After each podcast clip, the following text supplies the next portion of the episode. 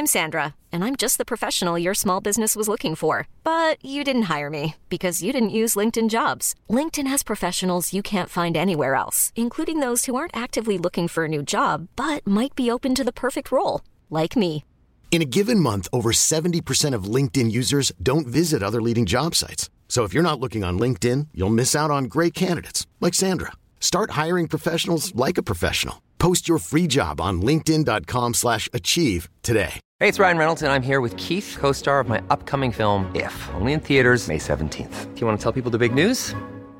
All right, I'll do it. Sign up now and you'll get unlimited for $15 a month and six months of Paramount Plus Essential Plan on us. Mintmobile.com slash switch. Upfront payment of $45 equivalent to $15 per month. Unlimited over 40 gigabytes per month. Face lower speeds. Videos at 480p. Active Mint customers by 531.24 get six months of Paramount Plus Essential Plan. Auto renews after six months. Offer ends May 31st, 2024. Separate Paramount Plus registration required. Terms and conditions apply if rated PG. Quality sleep is essential. That's why the Sleep Number Smart Bed is designed for your ever evolving sleep needs. Need a bed that's firmer or softer on either side? Helps you sleep at a comfortable temperature? Sleep Number Smart Beds let you individualize your comfort so you sleep better together. JD Power ranks Sleep Number number 1 in customer satisfaction with mattresses purchased in-store. And now, save 50% on the Sleep Number limited edition Smart Bed for a limited time. For JD Power 2023 award information, visit jdpower.com/awards. Only at a Sleep Number store or sleepnumber.com. Vi är denna vecka sponsrade av Indie Beauty. Och Sofie, det här tycker jag är extra fint och extra roligt. Ja men Indie Beauty är ju ett skönhetsvarumärke som jag tror att väldigt många känner till, men det jag älskar mest det är att Indie Beauty liksom vill vara mer än bara produkter, vilket de ju också är. Exakt. Indie Beauty står ju för Independent Beauty, skönhet på dina villkor och för din egen skull. Och Indie Beauty tror ju stenhårt på ett alternativt skönhetsideal fritt från måsten, skam och känslor av otillräcklighet. Där är jag helt med Indie Beauty. Jag med. Det är så jag vill att skönhet ska vara. Ja men verkligen. Och vet du vad som är nytt för i år Sofie? Berätta. Från och med i år så skänker Indie Beauty 1% av sin försäljning till Suicide Zero, Tjejzonen och Djurens Rätt. Så när man handlar produkter från Indie Beauty så kan man liksom känna att man också ger tillbaka till samhället. Ja, kraften i tillsammans. Ska jag säga en sak nu då, mm. som jag, det, men det är detta jag är extra glad över.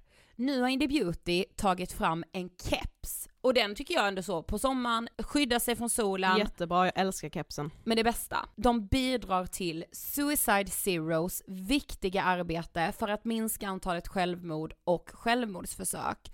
Så, för varje såld keps så går hela vinsten, 100 kronor, direkt till Suicide Zero. Då kan man liksom göra nytta både för samhället och sin hud på en och samma gång. Ja, och kepsen kostar 169 men alltså hela vinsten går då som sagt till Suicide Zero. Mm. Så om man vill göra skillnad när man är där ute i solen, nu när den börjar titta fram, då ska man välja den här kepsen. Den säljs exklusivt på indiebeauty.se och på Apotea. Tillsammans kan vi skapa en ljusare framtid. Vi ses med kepsarna på. Tack Indie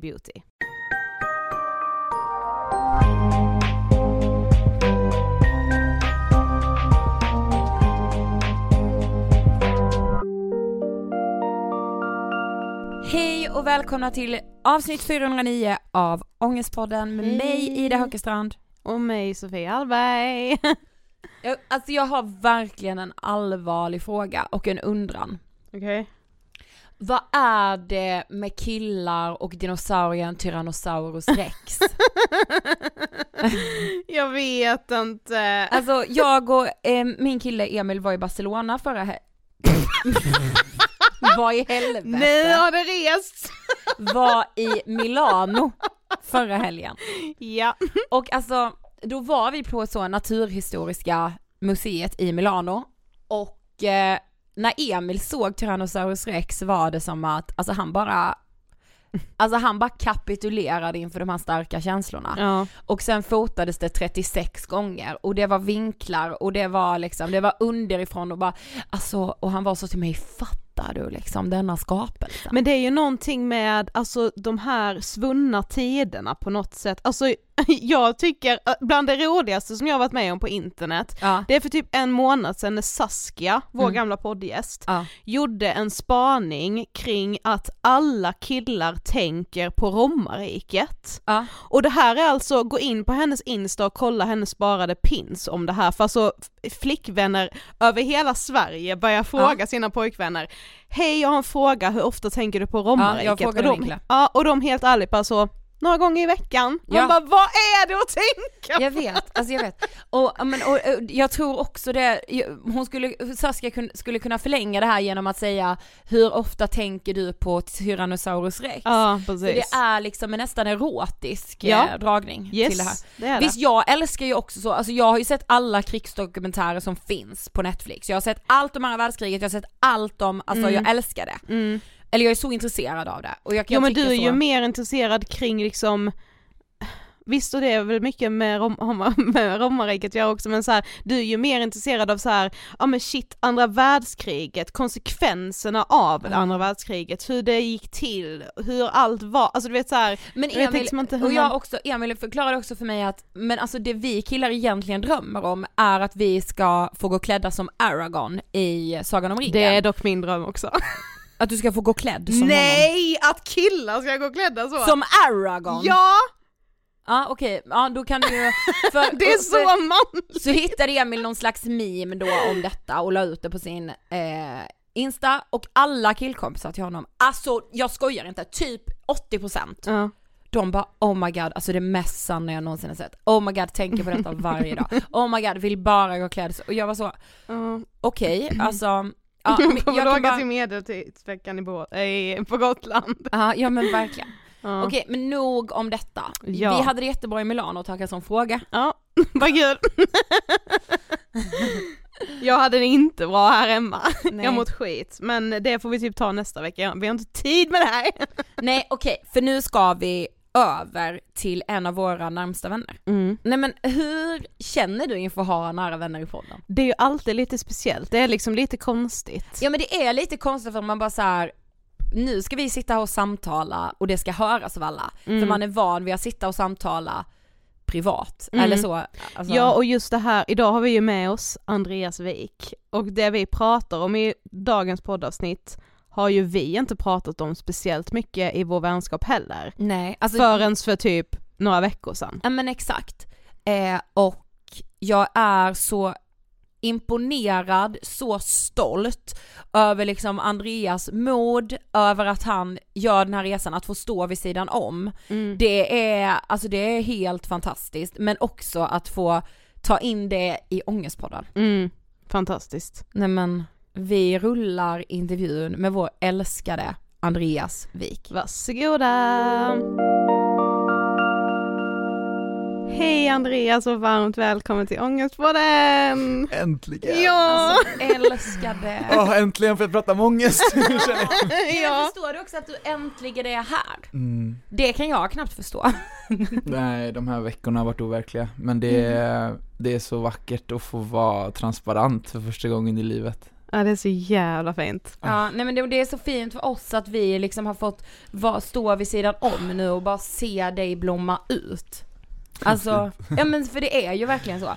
Men okej för våra lyssnare då, för de som inte vet, vem är Andreas Wik? Jag, jag eh, är eh, en eh, sångare som på ett sätt har eh, levt ut mina passioner sedan jag var ett litet barn. Jag har stått på scen sedan jag var 12 och eh, idag skulle jag säga att jag har ett liv som kantas av eh, ja, men en, eh, en värld som jag älskar.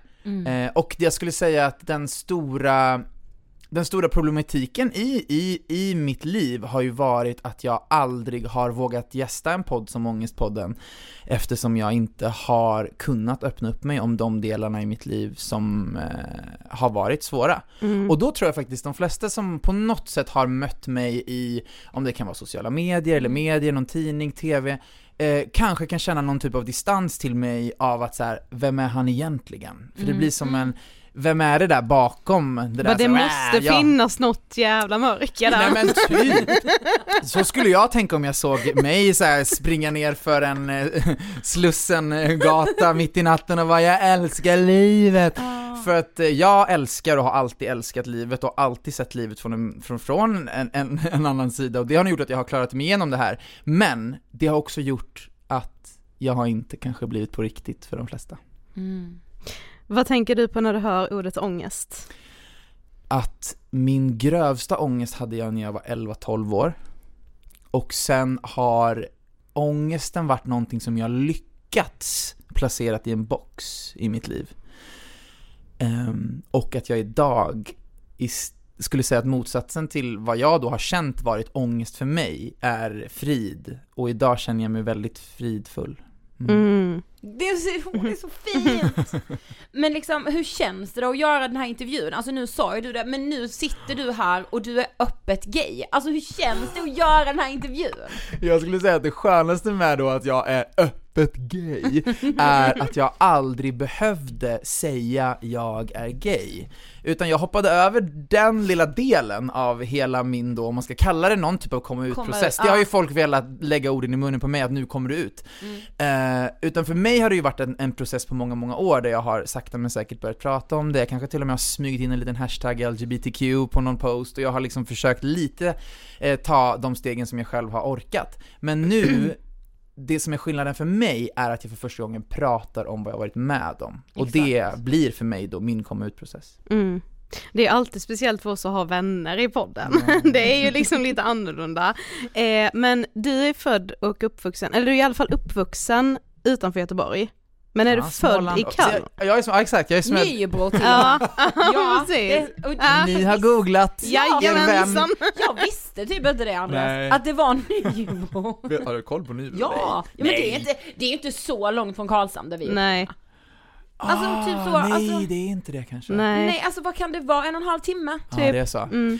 Jag gick på Hanemålsskolan i Nybro och eh, levde ju hela min barndom där, så jag har separerat mina liv. Barndom i Småland, ungdomstid i Göteborg och sen vuxna livet i Stockholm. Mm. Men du är ju uppväxt i en väldigt kristen familj. Absolut, jag älskar när man så, väldigt kristen. Ja men det är så här, det är inte så att kan man vara, antingen är man, är man då, kan man vara lite kristen eller kan man vara väldigt. Om man ska ta vad Jesus säger så är det så, har du ett tro som en senapskorn så räcker det. Så att då Ah, skulle jag säga, vad är det att vara väldigt kristen? Ja. Ja, okej. Men det, i, i, i dina termer så absolut, då är ni, då är ni ju väldigt kristen eftersom pappa är pastor. Om man säger Exakt. så. Ja. Men hur ser du tillbaka på din uppväxt? Som otroligt kärleksfull, att vara uppvuxen i en frikyrka och en pingstkyrka var för mig en väldigt fantastisk barndom. Det kantades av eh, att min pappa faktiskt var barnpastor när jag var, när jag var barn. Han var ungdomspastor när jag var ungdom och sen blev han vanlig pastor när jag sen blev vuxen. Eh, så han har ju lite Han har liksom enga-. Ja, engagerat sig i de här olika tiderna. Ja. Så att jag minns ju när jag var barn, då var det så superhjälte, och så Jesus är en superhjälte, alltså förstår du, det där liksom. eh, och sen var det ju lite, lite ok- oklart när han var ungdomspastor och var så här: nej, då ville man ju ha någon annan kanske. Men så alla, att, att vara uppvuxen i en frikyrka har varit helt fantastiskt, och, och, och det är väl det som har varit de två världarna jag på ett sätt har fått leva i även inom kyrkan då, att man känner sig älskad, man känner sig hemma, eh, man känner sig sedd, man får leva ut allt man är. Jag allt, sjöng alltid i kyrkan, var med i Gospel Kids, spelade Ah. lilla David i David och Goliat-musikalen, alltså ni förstår allt det där.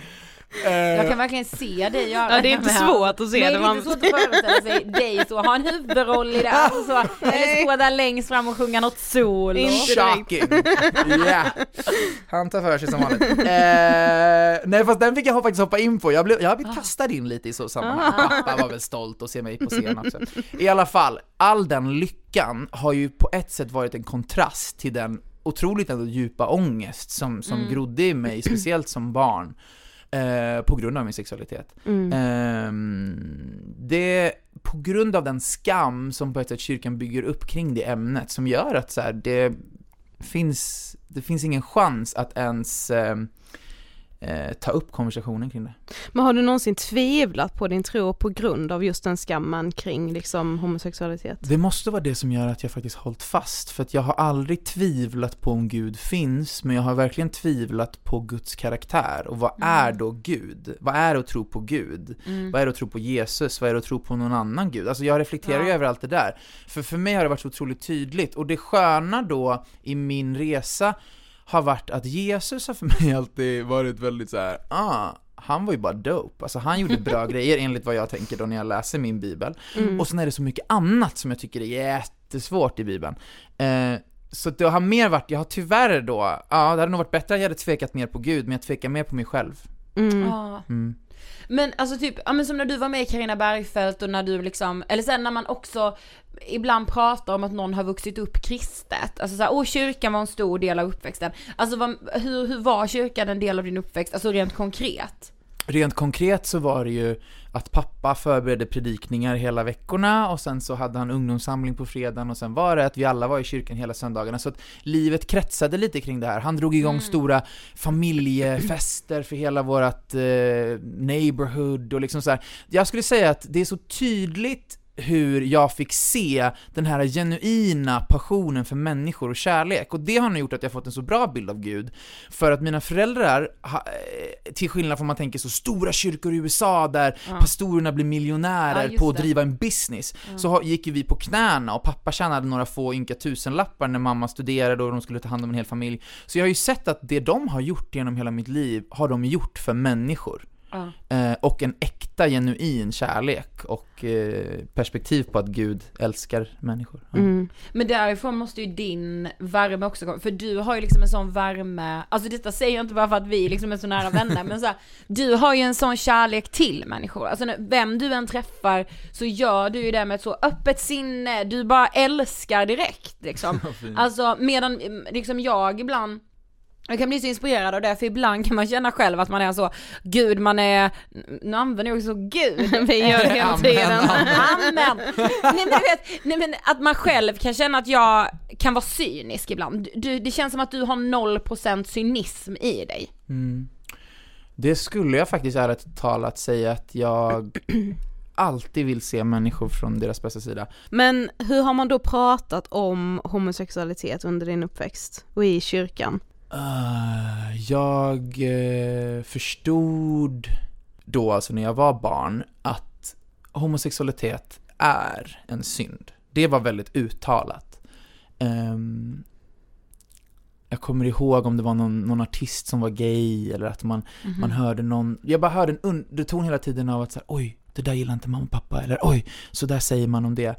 Det var ju inte riktigt att jag kunde googla då. Eh, det fanns inte så jättemycket information, det var några år senare man kunde göra det. Och när man väl kunde lyckas göra det så förstod man att okej, man kan inte vara troende och homosexuell. Mm. Utan ehm, det går liksom inte ihop. Och då fick jag ju bara eh, försöka tänka om och, och försöka förstå hur ska jag då navigera genom det här. N- när jag var 12 år, då var det att jag hade på ett sätt mitt bästa år i livet, för jag turnerade runt i Sverige och jag var med i en liten barnpopgrupp och jag skulle varit så den lyckligaste människan. Jag var liksom så en liten Hannah Montana och så gick i skolan på veckodagarna och så turnerade jag på helgerna. Alltså jag skulle varit, det var, living the dream. det var Alltså alla living the dream. 12-åringars dröm. Ja, men jag Ja, var så lycklig över det, men jag minns hur jag liksom varenda gång, speciellt i min ensamhet, bara så fylldes av den här brännande ångesten. Alltså det var så, alltså det är faktiskt den här barndomsångesten som jag alltid refererar till personligen när jag hör om allt ifrån självmordsförsök etc. Ja. För där, den var så brännande att jag inte visste hur jag skulle fortsätta leva. Det var verkligen, hur ska jag klara det här? Och det var... Det var att jag liksom, jag, jag, jag kunde skaka av ångesten, det var på den nivån. Och det var, det var ju den här totala hopplösheten av att säga jag är fel. Jag är liksom utesluten ur det här, och speciellt då som barn när man bär på en liten hemlighet. Det var, eh, det går inte att, eh, det, det, det är faktiskt så, jag kan inte jämföra med någon annan ångest i mitt liv som jag någonsin haft efter det. Utan 11-12 års ångesten var som, som värst. Och- Men var det, var det, förlåt nu avbröt jag dig, men var det i samma liksom skede som du bara såhär, hjälp jag är homosexuell, ah jag måste dölja det, eller liksom, Absolut. och det var det jag, som gav ångesten? Mm, det var då jag började förstå att eh, alla, då, som åttaåring hade man väl pussat alla tjejer i klassen. Mm. Och det var ju inte sexualitet, utan Nej. det var ju liksom någon slags samhällsnorm av att man skulle, ja, man skulle vara tillsammans med alla. Jag tror jag var tillsammans med alla tjejer utom två. Ni stackars de två, hoppas inte de lyssnar. Saknar när jag var Nej. tillsammans med en kille som var tillsammans med två andra tjejer samtidigt. Ja, alltså. Gud, Det är så han såg det växa så upp tidigt 00-tal. Hjälp. Hjälp. Verkligen. Ja, hur är det nu dock? Jag undrar ju hur det ser ut men det idag, är väl Ja, förmodligen så. Det är väl så fortfarande ännu mer. Ja. Det är ju, ja, det är så här, om man jämför då, kyrkan är så, sexualitet pratar man inte om, men i samhället är väl det enda man pratar, Man pratar om. Så det är väl, det är väl, kan- kanske hitta ett mellanläge där som känns nice. Nej men alltså, nej men just ångesten, alltså så här, ä- över att också känna då att så här, jag kan inte vara mig själv. Alltså det är ju liksom, när man är så liten också, är ju det, alltså det går ju inte ens att greppa. Nej, jag försökte komma ut till mamma och pappa flera gånger innan jag faktiskt gjorde det. Och då var det att jag var så nära på, men jag lindade in det med andra ord, eller så, så refererade jag till att någon kille hade skrikit bög till mig på skolgården, men då var det liksom så här, men, men du är ju inte det Andreas, du behöver inte oroa dig, var lugn. Det var liksom så mina föräldrar svarade på det. Ja. Och då var man såhär, nej det är jag ju inte. Alltså, det var det enda sättet att liksom respondera på det. Mm. Ja för vi hörde det i någon annan intervju, de vi läste, vi har gjort vår research så att säga, Eh, just det här med att du försökte komma ut flera gånger för dina föräldrar men att du kände att du liksom misslyckades. Och på vilket sätt var det du misslyckades? Var det just det här med att, ja men att du försökte förkläda med andra ord och då märkte du ännu mer att de såg också på homosexualitet som något fel? Ja, men man måste förstå att mamma och pappa då, uppfödda på 70-talet, har i princip aldrig eh, pratat med en homosexuell, i alla fall vad de tror. Eh, de har i hela sitt liv fått höra från sina föräldrar, från sin mormor och morfar, att det är en synd. För Om- de båda är också uppväxta. Exakt, min ja. pappa, alltså min farfar var pastor, eh, pappa är pastor, Mm. eh, och nu är jag rebell. eh, nej men så det har alltid, alltid funnits i vår släkt, och Mm. det har varit en otroligt, eh, jag tror pappa och mamma var en del av en generation som ville stå upp för för, för då det här goda budskapet. Och då kom allt på köpet. Och jag tror Exakt. man ibland glömde de delarna som skadade människor. Mm. Och jag är, det vi ser, vi har ju, man ser ju i Sverige och utomlands att det finns absolut de här sekterna och liksom de, de där det går ännu mer överstyr. Och där kan jag vara väldigt tydlig med att säga att där, det, det, det är långt ifrån hur min mamma och pappas uppväxt var. Men det finns ju absolut tendenser till de här små liksom kontroll, Just att ha det. kontroll över liksom att så här, det här är rätt och det här är fel. Det är där det landar fel. Och det ser jag även idag, att så fort en ledare, en pastor, en, en, en profil, vem den är, får för mycket makt och inflytande och säger till om för mycket, och när det landar i någonting hatiskt, då är det ju inte så kallat Jesus-likt liksom. Nej. Och det behöver inte ens ha med religion att göra utan de, Nej. se- alltså sektmiljöer eller det här, alltså det finns ju i alla olika former. Grupper. beh- ja, precis, alla olika grupper. Det behöver ju inte verkligen inte ha med religion att göra. Nej. Nej, nej, nej. Såg du någon gång på att så här, att homosexualitet var som en sjukdom? Eh, ja, absolut. Det var ju... Alla gånger då jag försökte komma ut till mamma och Mm. pappa så blev det ju väldigt tydligt att nej, det är inte rätt. Och då blir det ju att man separerar den delen av sig själv och det, det man då känner på ett sätt att man är. För jag kände ju såhär, nej men hjälp, jag är ju då gay. Mm. Bara ordet gay har jag i princip aldrig vågat uttala. Det är som att säga, så jag kan läsa mina gamla dagböcker från när jag är kanske 15-16 och, och då skriver jag alltid inom situationstecken det har jag skrivit. Det är jobbigt just nu, eller det gör väldigt ont i mig. Och jag faller hela tiden, jag klarar inte av det. Så uttrycker jag det hela tiden. Så, så pass skuldbelagt är det. Ehm, så att jag såg nog på hela processen av att så här, jag måste be bort den här sjukdomen.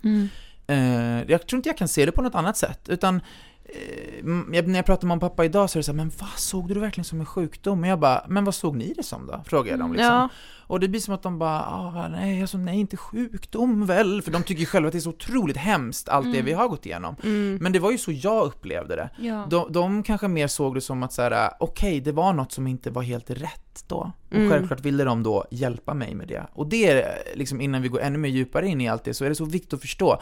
Mina föräldrar är de mest kärleksfulla personerna som jag någonsin kan ha i, i liv. Alltså det, jag, jag, går, jag kan inte, det finns ingen som dem. Min pappas kärlek är så enorm, de skulle göra allt för mig. Och det är det, de skulle ta min homosexualitet och själv leva i det om, om de kunde. De skulle gå till helvetet för mig, Mm. som vi då trodde att jag skulle till om jag levde ut min homosexualitet. Så så pass stor är deras kärlek. Och och, och det, det är väldigt viktigt att förstå att det är sammanhanget, alla, alla människor som har talat in i deras liv, alla de mäktiga personer eller, eller kyrkledare som har sagt homosexualitet är en synd. Mm. Självklart lever de efter det och vill hjälpa sin son att bli fri Exakt. från det om det är det enda de har. Mm, precis. För till slut så berättar ju du för dina föräldrar. Mm. Eh, alltså hur gammal är du då och vad händer då? Vad, liksom, vad händer med er relation? Vid 15 års ålder så märkte jag att den där lilla 12 12, 11-12 års ångesten kom tillbaks lite smått. Ah. Och då blev jag livrädd. Då var jag så här, jag kan inte fortsätta bära det här. Och då var jag tvungen att bara, nu måste jag säga något. Ehm, och eh, jag gjorde det i hopp om att, faktiskt tänkte jag, för det står i bibeln att när två eller tre ber om något i Guds namn så ska det ske. Och då tänkte jag, nu har jag bara bett själv i alla år. Så om jag ber med mamma och pappa så kan det ske en skillnad. Så det var nog mitt, mitt, mitt perspektiv på varför jag vågade faktiskt komma ut. Ja. Så eh, jag berättade för dem, min syster hade på något sätt fick vi henne att vara på sitt rum så vi kunde gå upp i och pappas sovrum. Det var väldigt så här hysch-hysch liksom, ingen Ja. får höra. Mm. Och så, så bara, det tog väl en stund innan jag fick ur mig orden, men när jag väl sa det så, jag tror inte mamma och pappa riktigt förstod hur djupt rotat det var i mig och hur tydligt det var att jag kände mig gay, utan det var mer så här: det är lugnt Andreas, du kanske känner lite känslor nu, men det kommer bli bra. Mm. Men vi bad, och sen så efter när veckorna väl gick så förstod de väl mer och mer att, okej, det här är en kamp som Andreas inte tar lätt på, utan det här Mm. kommer nog bli en process. Och den processen pågick i många år. Mm. Det blev våran hemlighet. Mm. Min syster fick inte reda på någonting. Ingen annan fick reda på någonting. Det är så sorgligt att mina föräldrar inte pratade med sina bästa vänner, för det gjorde nog att de separerades från dem. På samma sätt som Mm. att jag har nästan känt mig lite falsk i varenda intervju jag gjort, i varenda sammanhang jag varit en del av, där jag är tvungen att, bara en helt vanlig konversation med en vän, om någon Mm. frågar 'Hur mår du?' Och det, om den enda ångesten jag bär på är det här, så måste jag säga att jag mår bra. Mm. För det enda som jag mår dåligt av är homosexualiteten. Mm. Och då blir jag så falsk. För jag är också, det är det. Jag ska inte gå runt och säga att jag har bara mått dåligt i mitt liv, utan jag har, all glädje som jag visar, den är faktiskt genuin. Mm. Jag skulle säga när jag inte är glad eller inte är fylld av, av positivitet, då är jag istället, då, då låser jag in mig och är hemma istället. Då, då vill Ja. inte jag, eller, eller så märker ni på mig att jag är lite tystlåten och sådär. Mm. Så att det, det, det är aldrig att jag är falsk, men jag är inte heller transparent. Och det är det som är skillnaden nu. Men jag tänker typ så alltså när man är där i tonåren med och du vet man börjar så, och prata Mm. relationer, sexualitet, alltså mycket med kroppen och vad man känner blir liksom spännande. Var det så att du undvek sådana samtal eller liksom spelade du teater då eller vad man ska säga? Alltså, Absolut. Det var, eh, jag blev nog lite extra pryd under de här åren. Folk Mm. såg nog verkligen på mig som en person som, som inte vågade prata sex eller eh, kärlek. Och, ehm, och när jag gick i sexan så, så på ett sätt så då var, jag, då var det så, den, då var jag så, den söta killen och den söta tjejen, klart vi skulle bli tillsammans. Så det liksom, man kastade sig in i sådana där, hade det, det var, usch, den där kyssen var hemsk alltså. Mm. Jag minns än idag, ah, vi satt på Borat-bion. kunde det bli, kunde det bli mer oromantiskt? Jag sitter jag homosexuell och ska, snygg, alltså ska pussa den snyggaste tjejen i klassen, alltså så här, det var så hemskt. till tonerna av borra. Ja, precis. Nej men vem valde den filmen?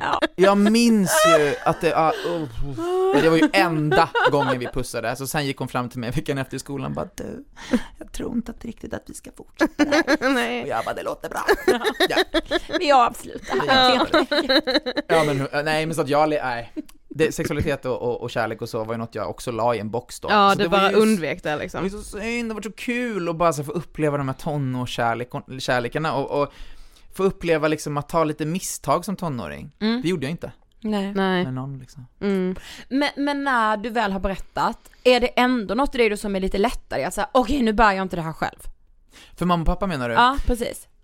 Det blev nästan tyngre, för tänk Ja. att då har man helt plötsligt två stycken ögon i nacken som Ja, också så här: ta inget felsteg nu, gör inte det här, Ja, gör inte det. det. Och, och det blev nästan ett, en, en elefant i rummet för oss också, vi slutade prata om det. Mm. Och det blev också att även vi, jag hade Alltså fram till för kanske två, tre år sedan hade jag aldrig hört min mamma och pappa säga ordet homosexuell eller Nej. gay. De började också bara prata om så här. hur känns det? Ja, det med- blev med det, där? igen. Ja, det blev liksom. det för dem också. Ja. Alltså så pass tabubelagt var det i, i vår familj och i vårt sammanhang. Mm. Ja. Men var det ingen annan inom kyrkan eller er församling eller så som fick reda på det här? Nej, inte förrän jag hade flyttat hemifrån. Så tänk då, vi går med det här själva i, vad kan det vara, men åtta år. Mm. Ingenting sker, jag ber, jag går fram till varenda förbönstund i varenda kyrka jag kommer till. Jag säger all, samma sak där också. Be för mig, vad är det du- jag ska be för? En grej som är jobbig. Alltså så, allt. Ja. Eh, när jag var typ 23 tror jag var, då hade pappa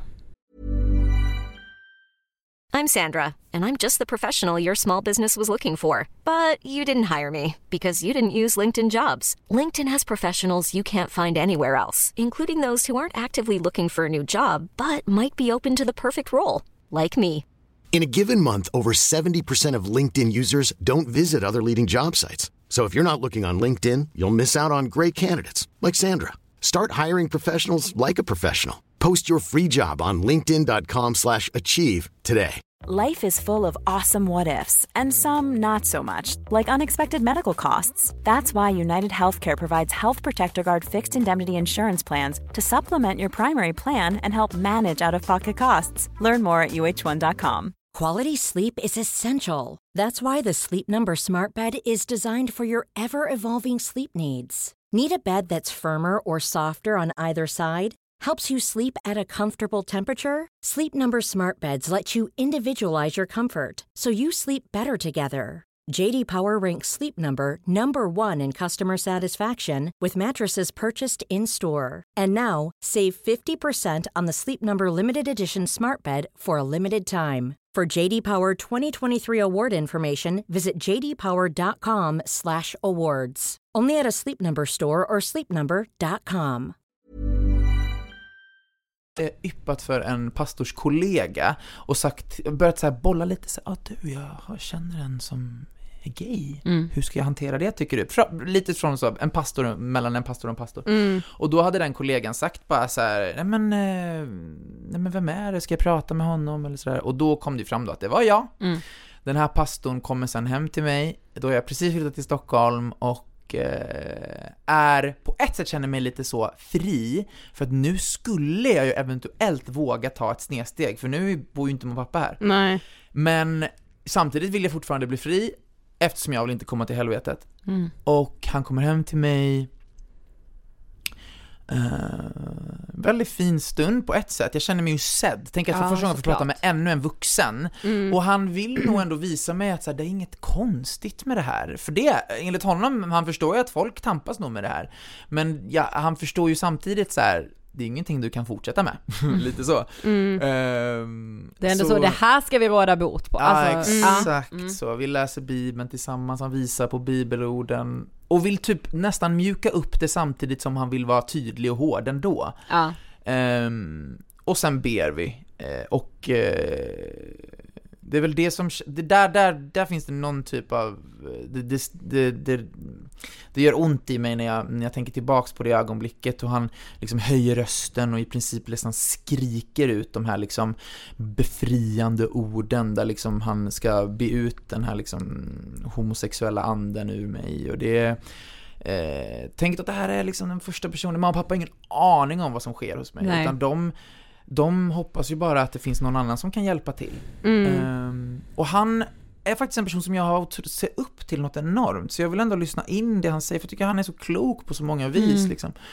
Men det här blir ju inte alls bra, utan det skapar ju ännu mer en ångest i mig, och det blir att varje gång han har varit hos mig så blir jag ju ännu mer bedrövad över att jag aldrig blir fri. Utan då, då blir det ännu mer skuldbelagt att till och med de här, då inom situationstecken, utdrivningarna inte hjälper. Mm. För du hade ändå ett eget hopp om att du skulle bli liksom fri. Ja, det låter så absurt, men det var inte som att jag på ett sätt ville. Det enda jag ville var ju att älska en kille. Ja. Men det jag förstod var rätt var ju att inte leva ut det. Mm. Så ehm, det var efter de här äh, bönerna och samtalen som jag för första gången vågade följa eh, mitt hjärta. Men alltså det är ju ändå så för samtidigt, Mm. alltså som det här, du och dina föräldrar försöker bevara hemligheter, du har flyttat till Stockholm, alltså du lever ju verkligen ut dina drömmar. Mm. Jag menar både i musiken, mode, alltså du har ju liksom varit modeguru sen, ja men jag minns ju när vi gick gymnasiet. Ja, alltså, så- ja, alltså vi läste Snälla. ju din blogg. Alltså Ja. det var ju... Alltså, och det var, och man var så bara oh my god, alltså att så här, du, och vi läste en sak som var så spännande, när du typ får pris för årets bäst klädda man. Alltså du måste berätta om det. Ja, det var hemskt alltså. Jag var 19 så jag var väldigt ung. Jag Ja. minns att de här kreddiga, 19 år. Oh de här kreddiga modemänniskorna satt Ja. där och kollade snett på mig när jag fick gå upp och ta emot priset. Det var ju så häftigt. Mm. Ehm, och då står konferencieren och eh, efter jag då fått ta emot priset och bara Du Andreas, du som inte sjunger och du är snygg och du klär dig bra och så här. Du måste väl vara gay? Säger hon inför hela Café Opera och det blir liksom så, man bara känner hur liksom, det, det, ja, det, där, där stannade tiden för mig och det här finns på YouTube sjukt nog, men jag säger då bara snabbt som bara den Nej, 100% inte, säger jag. Ja. Ja. Och hon bara, men va? Är det seriöst? Alltså vi, det är ja. verkligen här, nästan Det vill blir nästan ironiskt, alltså det är Ja. helt sjukt. För hon är Att så, ens- gör det! Va? Kom Eller- igen, erkänn bara alltså! Nej, det Och där står du, vad då tänker du så, nej nej nej jag är genomskådad, eller liksom, Ja, Mm, jag tror har nog någon tanke om att så här, äh, och det har också varit jobbigt genom mitt liv, för jag har nästan velat överbevisa, nej. För människor då har ju tyckt att jag är bögig med de grejerna jag gör, och då har jag nästan velat visa, nej nej nej nej, jag kan vara straight och ändå Just göra det här. Ja, så det har varit som att jag har själv Mm. fightats med de grejerna, av vad stereotypen av att vara gay betyder. Men jag minns ju när jag klev ner där från scenen och min vän liksom så här kollade på mig med liksom bedrövade ögon, så många förstod ju hur tufft det här var, och jag kände även efteråt att jag ångrade mig ju samtidigt, jag sa nej även om jag ville säga Ja. nej. Alltså det var, ja jag Ah. fa- ja. nu helt plötsligt, ja nu kommer ingen, nu kommer ju ingen kille säga hej till mig. Alltså men den känslan, och det var, Exakt. det var, en, det var någon som kom fram och bara såhär, ah synd, då kan man inte få dig på tråden då. Och jag var så här, jo det vill jag gärna, Ja. men jag sa nej liksom. Så. ja. Alltså vad har du själv haft för inställning till allt det här? Alltså har det ändå någonstans funnits i det att så här, en dag ska jag komma ut, eller vad man nu ska säga liksom. Alltså, eller har du tänkt att så här, jag kommer behöva leva i någon slags förnekelse hela livet på grund av att jag vill ju inte hamna i helvetet, eller liksom hur har din tro förändrats genom det här? Jag skulle säga att största delen av mitt liv har jag levt i en insikt av att jag antingen kommer vara, antingen leva i celibat, Mm. eller fly Sverige och ha kanske en hemlig relation någonstans utomlands. Ja, eller det tredje alternativet har ju då varit helvetet. Mm. Det har varit så tydligt för mig. Det Mm. har inte funnits någonting och, och någon som har kunnat förklara för mig hur jag skulle kunna vara troende och gay. Och då har det bara va- varit de alternativen. Så jag har i princip tänkt att jag kanske till och med kommer gifta mig med en kvinna, för jag har alltid haft dröm om att ha familj och, och allt det där. Det hade känts otroligt respektlöst mot den personen, men jag på något sätt fick intala mig själv att det är bättre att jag får leva med kanske en bästa vän än att jag, än att jag inte får ha familj till exempel. Så har jag tänkt. Mm. Mm. Och, och hur, alltså vad, vad har fått dig att ändra dig där då? Ja, wow. Jag är ju så glad att jag är där jag är idag. Och det är så overkligt. Varje gång jag pratar om det här nu så är det som att det känns Åh, det är så befrielse. ja. Ja, jag, alltså jag har ju gråtit i dagar. Alltså min pappa ringer och gråter i princip varje dag. Varenda gång jag typ så visar ett meddelande jag fått, eller han får meddelande från andra. Ah, han är ju en sån lipsill, nu vet jag var jag fått det ifrån i alla fall. Alltså det är på en nivå, han går runt med ja, men totalt blanka ögon hela tiden när jag träffar honom. Mm. Eh, jag började, det här var under corona, så då förstår ni hur färskt min liksom, Ja. insikt i att vara eh, faktiskt eh, homosexuell och troende Exakt. är. Jag eh, fick tag på en teolog som eh, faktiskt eh, förklarade för mig att homosexualitet inte är en synd.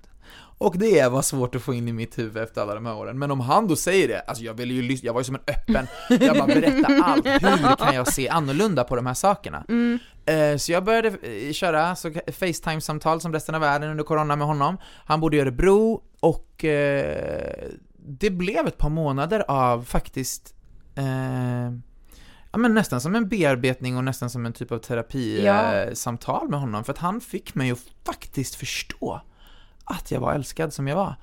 Eh, tänk då att alla kristna i princip i hela mitt liv har istället sagt tvärt emot. Mm. Jag började komma ut för mina närmaste vänner för bara ett par år sedan, precis innan jag började prata med den här teologen. Och i princip alla valde att ta avstånd.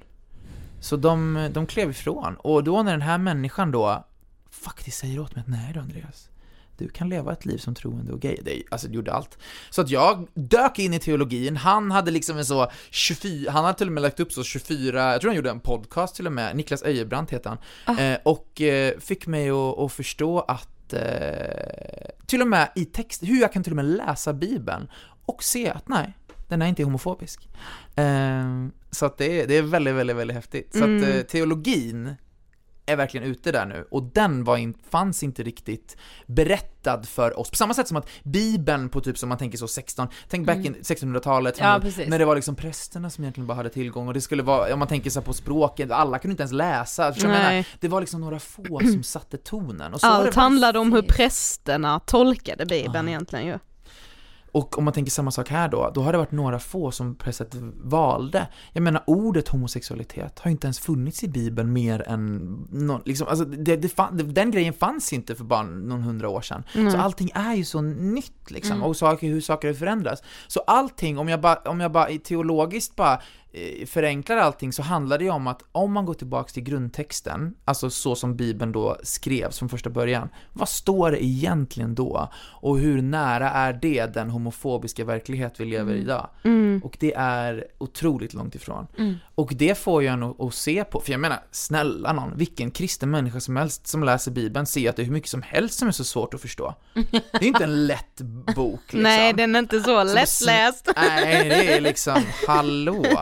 Och då blir jag så här, att, att, att så många kristna väljer den här liksom homofobiska åskådningen som en, nästan som en drivkraft för att det ska vara liksom den uppnådda perfekta kristna människan. Det är otroligt sorgligt. Så att jag eh, känner mig så otroligt älskad av Gud idag och jag vet att jag eh, Även, ja det är det, de flesta hade nog kanske lämnat tron efter alla de här åren. Men det, det, det vackra är att min tro är starkare än vad den någonsin har varit. Och jag är så här every day, alltså jag bara, ja och Gud Jag känner verkligen att jag lever med, med Gud i livet liksom Mm. Men den här Niklas är ju en kung. Ja, alltså Äh, verkligen. Och det coola med han, han är en heterosexuell man som bara kände en brutenhet i att så många hbtq-kristna inte har en röst. Mm. Ja. Så han har varit en av de som har drivit det framåt. Och det som sker då sen är att jag säger till mina föräldrar, ni måste åka och träffa honom. Så de sätter sig på, på tåg, eller de åker någon bil, ner till Örebro, träffar han och hans fru. Det är de första människorna som de pratar med utanför liksom vår lilla bubbla. Och eh, de förändrar ju allt. Ah. Även för dina föräldrar. föräldrar. Även för mina föräldrar. Alltså, för, Wow, alltså, alltså, det är gåshud. Hjälp. Ja, det är så mäktigt. Jag Mm. tror mina föräldrar, det är väl egentligen inte som att de behövde ha teologin utbredd på ett så här, så här ser det ut och därför älskar Gud Andreas ändå. Utan det det handlade om var att de nästan bara behövde bli hörda av någon. Ja. Mm. Det var som att de var tvungna att berätta vad de har varit igenom. Och de, och de på andra sidan bordet bara lyssnade med kärlek. Och bekräftade att nej, vi tror att er son är älskad som han är. Ja precis, jag skulle verkligen säga det, den här bekräftelsen utifrån från några som liksom också tror på Gud Mm. men som också kan bekräfta att så här, det är inte fel. Nej.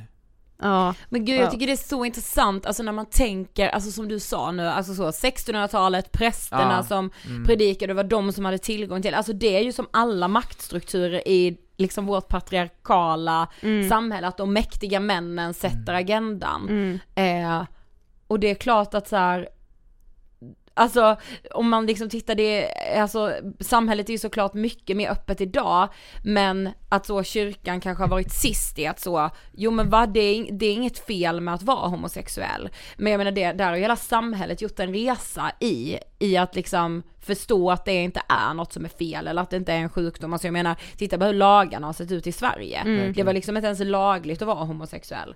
Alltså, och Nej, så det är ju så- inte bara i kyrkan. Nej, exakt. Det är bara att, att, att där Sverige är idag, det ska jag säga, där kyrkan är idag, var Sverige för kanske 15 år sedan. Ja, exakt.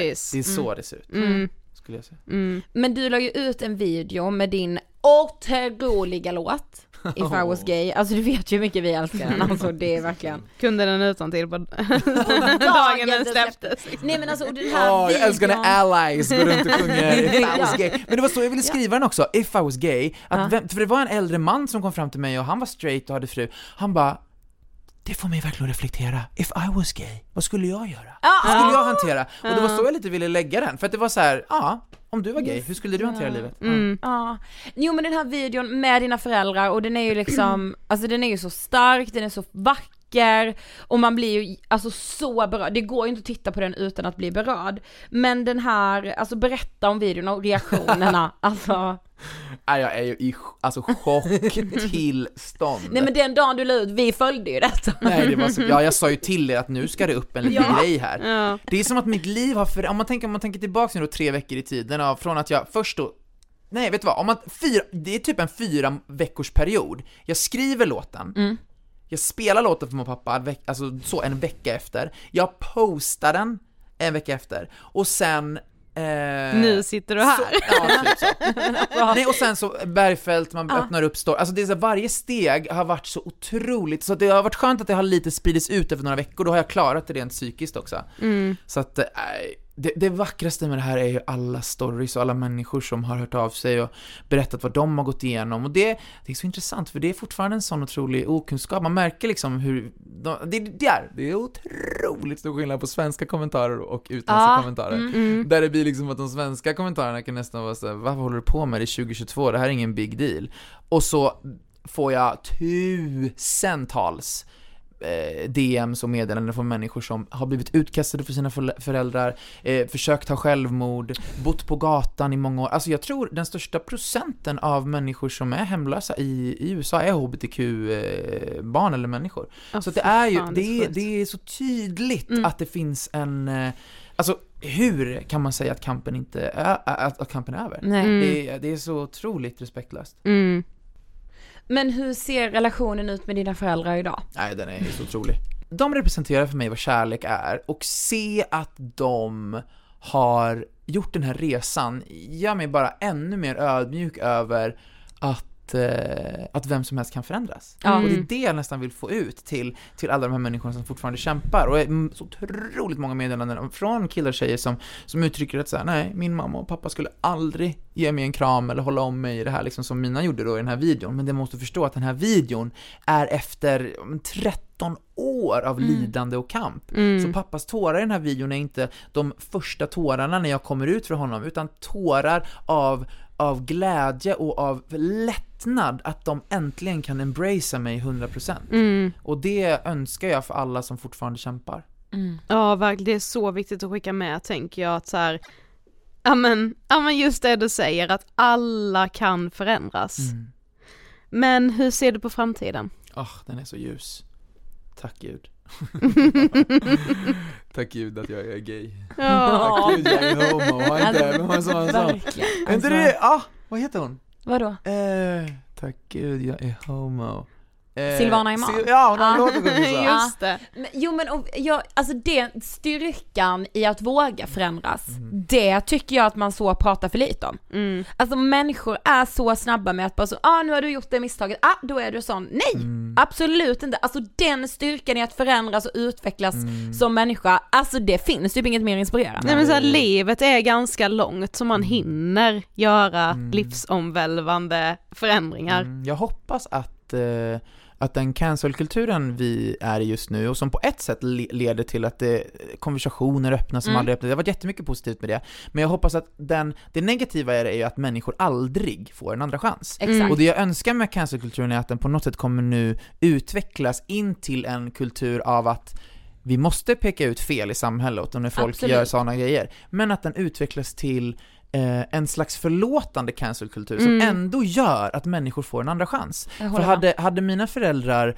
eh, då exponerats direkt i att de, om jag bara hade berättat allt det tunga med dem, då hade människor kanske inte ens valt att förlåta dem. Men på grund av att jag då först visade den här videon där man ser deras kärlek, fick människor att lyssna in och förstå hela bilden och då förstå att okej, de kommer från den där platsen och nu är de här. Mm, Och så måste vi se på alla människor idag tycker jag. Alltså Mm. 100 procent. verkligen. Alltså den liksom oförmågan att inte, men att, att inte tro på förändring, det är ju jättefarligt. Ja. Och det är också så, vad förväntar vi oss då av våra medmänniskor? Förväntar vi oss att så här, du, kan, du får inte göra ett snedsteg, du får inte misslyckas.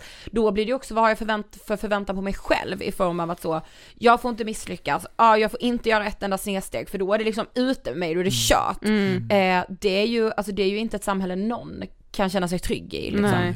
Vi kommer göra så mycket fel, alltså vi kommer tänka fel, vi kommer göra fel. Eh, men det viktigaste är att man gör, gör om och gör rätt så att säga. Exakt. Nej men det är ju så. Ja. Okej, sista frågan. Vad inspirerar dig? oj, människor som ni alltså. Nej men ärligt talat, människor som eh, agerar utifrån osjälviskhet och kärlek, det är det coolaste jag vet. Ehm, jag försöker omge mig med sådana människor där det liksom handlar om ehm, ja, alltså att leva för ett större syfte. För mig blir det att, att ha Gud som perspektiv i livet gör ju att, att, jag, att jag hela tiden försöker se det större perspektivet.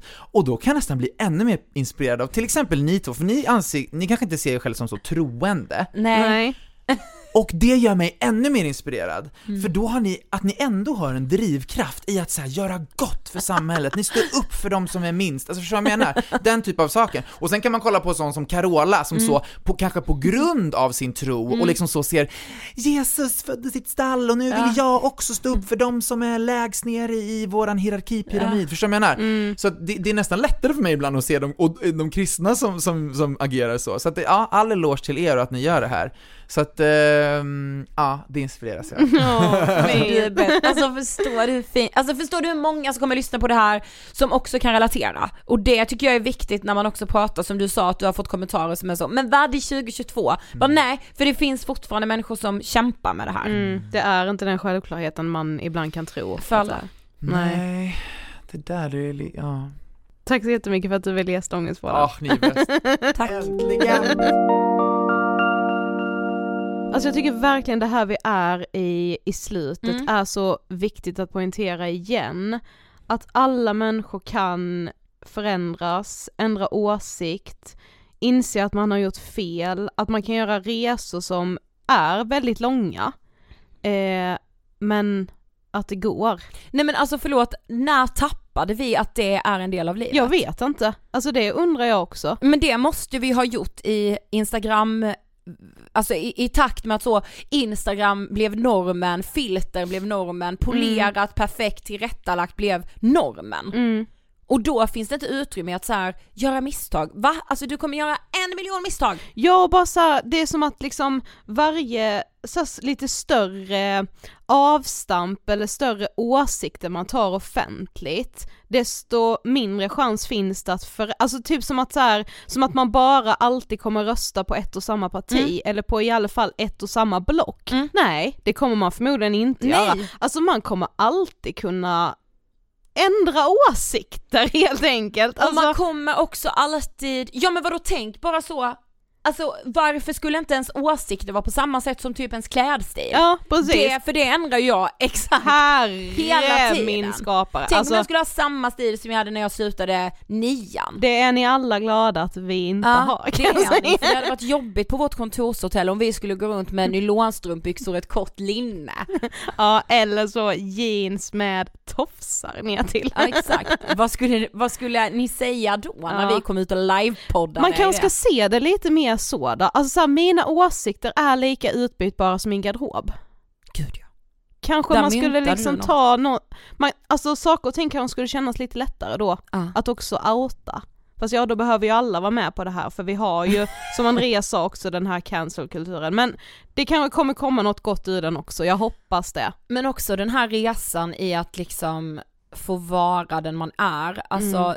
Det, det, oh, det kan alltid låta så, att få vara den man är så låter det typ helt platt, men Mm. det är ju för fan det största som finns. Mm.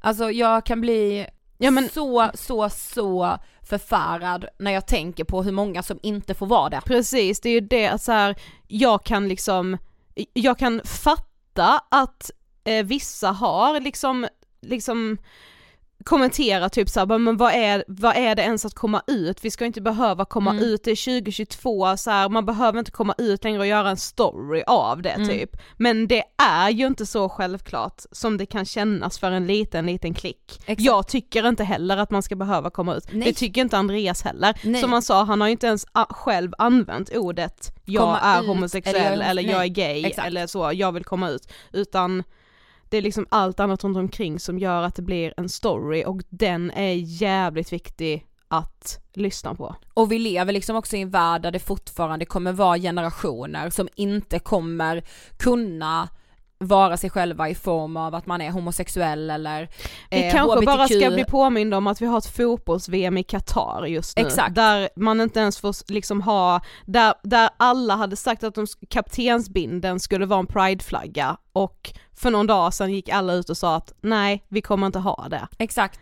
Nej men jag, men jag menar då så här, vi kommer ha generationer som lever, alltså hela sina liv, Mm. Där det kommer vara förenat med dödsfara för dem Mm. att säga att men jag är homosexuell Mm. och det liksom, så länge det är så är det väl värt att prata om det här i all oändlighet. Precis.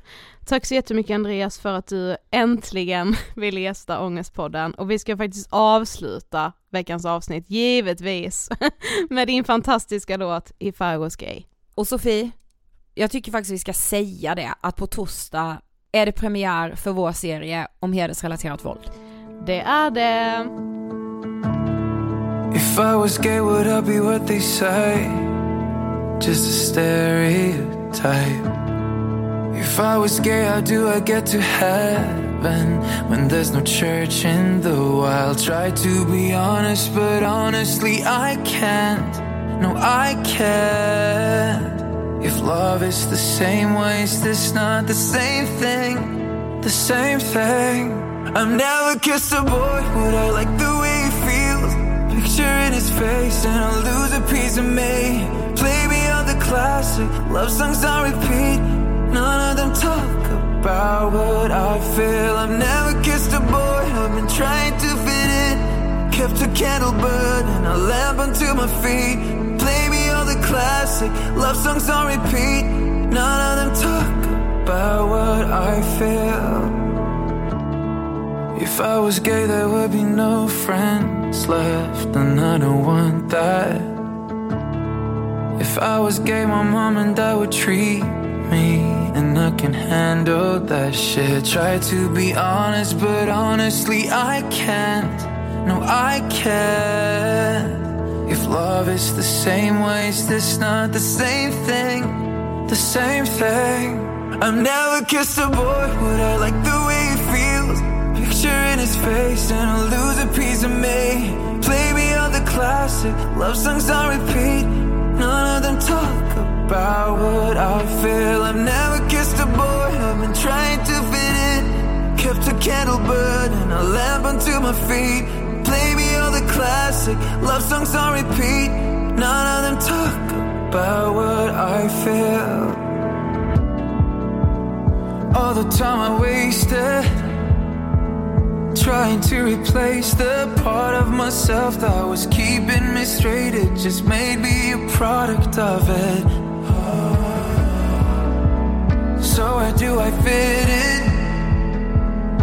Nothing can replace the scars on my body. Can talk to nobody. I'm numb.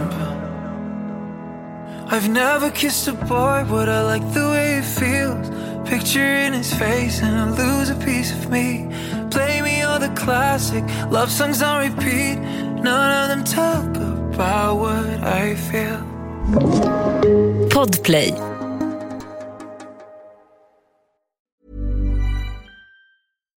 Hey, it's Paige DeSorbo from Giggly Squad. High quality fashion without the price tag. Say hello to Quince. I'm snagging high-end essentials like cozy cashmere sweaters, sleek leather jackets, fine jewelry, and so much more. With Quince being 50 to 80% less than similar brands. And they partner with factories that prioritize safe, ethical, and responsible manufacturing. I love that. Luxury quality within reach. Go to quince.com slash style to get free shipping and 365 day returns on your next order. Quince.com slash style. Imagine the softest sheets you've ever felt. Now imagine them getting even softer over time. That's what you'll feel with Bowl and Branch's organic cotton sheets. In a recent customer survey, 96% replied that Bowl and Branch sheets get softer with every wash. Start getting your best night's sleep in these sheets that get softer and softer for years to come. Try their sheets with a 30-night guarantee. Plus, get 15% off your first order at bowlandbranch.com. Code BUTTERY. Exclusions apply. See site for details.